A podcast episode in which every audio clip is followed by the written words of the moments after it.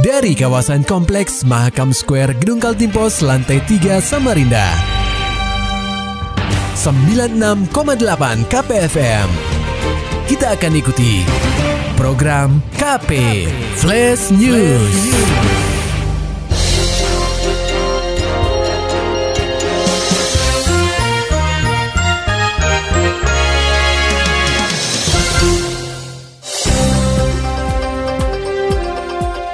Anda sedang menyimak program KP Flash News bersama saya Agung Pratama. Pendengar KP Pemprov Kaltim melalui Dinas Komunikasi dan Informatika atau Diskominfo Kaltim menggelar konferensi pers untuk membahas sejauh mana realisasi program Forest Carbon Partnership Facility Carbon Fund atau FCPFCF di benua etam. Dalam kegiatan ini, Diskominfo Kaltim menghadirkan beberapa narasumber, yakni dari Biro Perekonomian Sekretariat Daerah Kaltim, Dinas Pemberdayaan Masyarakat dan Pemerintahan Desa atau DPMPD Kaltim, dan Dewan Daerah Perubahan Iklim atau DDPI Kaltim. Perwakilan DDPI Kaltim Wahyudi menyampaikan program FCPF Carbon Fund Kaltim tahun 2016-2024 ini merupakan program penurunan emisi berbasis REDD+, dengan status result based payment. Di benua etam, program ini telah dicanangkan sejak 2010, diawali dengan pendeklarasian Kaltim Green dan didukung oleh seluruh pihak serta bermitra dengan banyak badan atau NGO sejak dulu. Nah gini, uh, LSM yang bekerja di sektor kehutanan lingkungan hidup itu adalah mereka-mereka uh, yang juga membantu untuk ya bukan hanya bergerak pada uh, sisi apa ya istilahnya teknis untuk kehutanan dan lingkungan hidup tapi juga mereka juga ada penyentuh pemberdayaan ekonomi di masyarakatnya kemudian juga peningkatan kapasitas di masyarakatnya sehingga ya mereka kita sebut mitra pembangunan. Nah itu satu. Kemudian untuk uh, tadi dana FCPF ini itu mereka tidak dapat porsi karena sebenarnya kan ini adalah tug, ah, bukanlah tugas sih, tapi artinya bantuan mereka terhadap pemerintah. Uh, artinya selama ini ya mereka sudah bekerja di eh, masing-masing uh, desa atau kabupaten kota lah. Nah sehingga mereka ya ketika ada provinsi minta bantuan untuk membuat dokumen strategis, nah biasanya itu menjadi dokumen apa ya walaupun nanti latarnya itu pemerintah provinsi, yaitu nanti ada nama kontributor yang itu menyantrakan nama-nama lembaga mereka. Kepala Bagian SDA Biro Perekonomian Sekretariat Daerah Provinsi Kaltim, Muhammad Arnains, menambahkan program pengurangan emisi karbon Kaltim ini adalah pengurangan emisi berbasis kinerja atau RBPS subnasional pertama di Indonesia, di mana program ini berbasis lahan yang berfokus pada dua sektor, yakni sektor kehutanan dan perkebunan.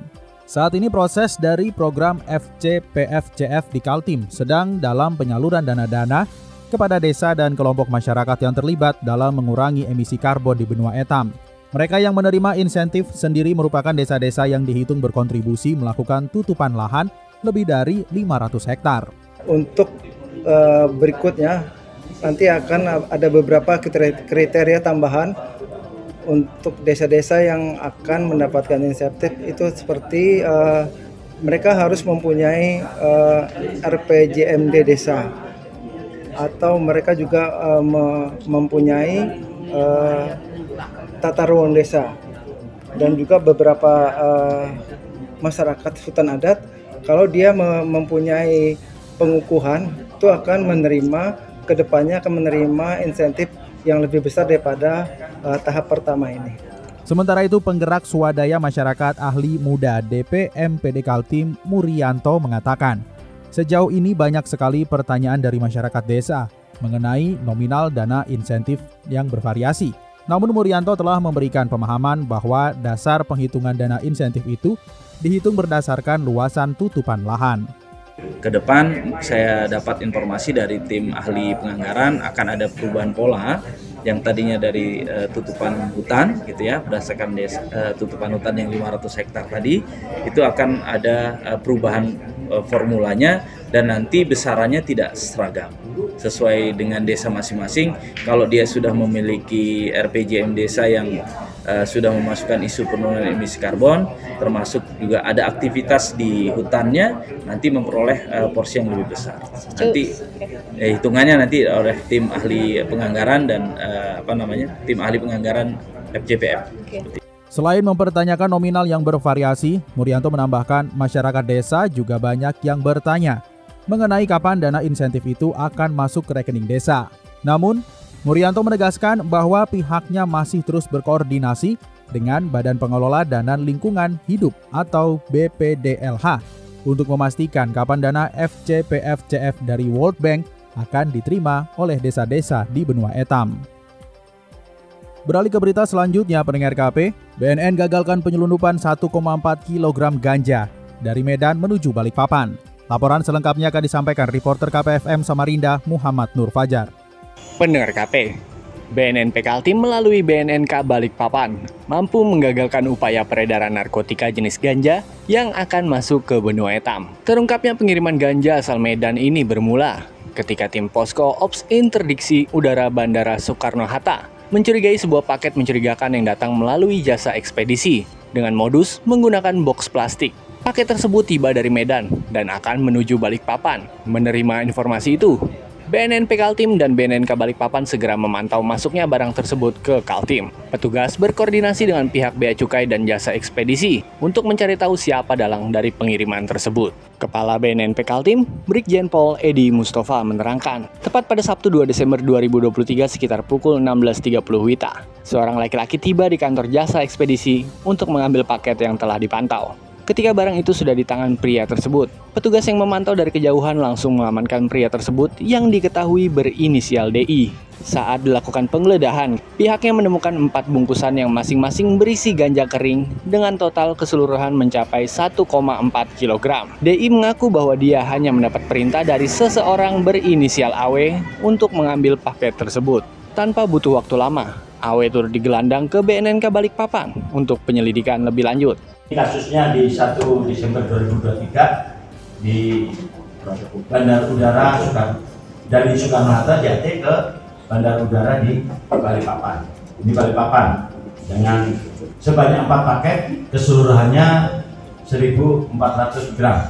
Ini kerjasama kita sama dengan Bea Cukai setelah mendapat ketetapan dari pihak kejaksaan, BNN Kaltim langsung melakukan pemusnahan narkotika jenis ganja ini untuk menghindari adanya penyalahgunaan barang bukti. KPFM Samarinda, Muhammad Nur Fajar melaporkan. Pendengar KP Imi Kaltim siap berangkatkan atletnya secara mandiri. Berita selengkapnya akan disampaikan oleh reporter KPFM Samarinda Maulani Al-Amin. Pendengar KP, Ikatan Motor Indonesia atau IMI Kaltim optimis meraih medali lewat nomor modifikasi perorangan di Pekan Olahraga Nasional atau PON ke-21 di Aceh, Sumatera Utara. Ketua IMI Kaltim Narto Bulang mengaku bersyukur karena masih diberikan kesempatan untuk melakukan verifikasi atau laporan mengenai hasil yang didapat di babak kualifikasi PON lalu. Ia menyebutkan atletnya meraih hasil yang cukup baik dan lolos di peringkat 10 besar. Narto Bulang berharap atletnya yang berada di peringkat 5 maupun 6 bisa berlaga di PON 2024 nanti.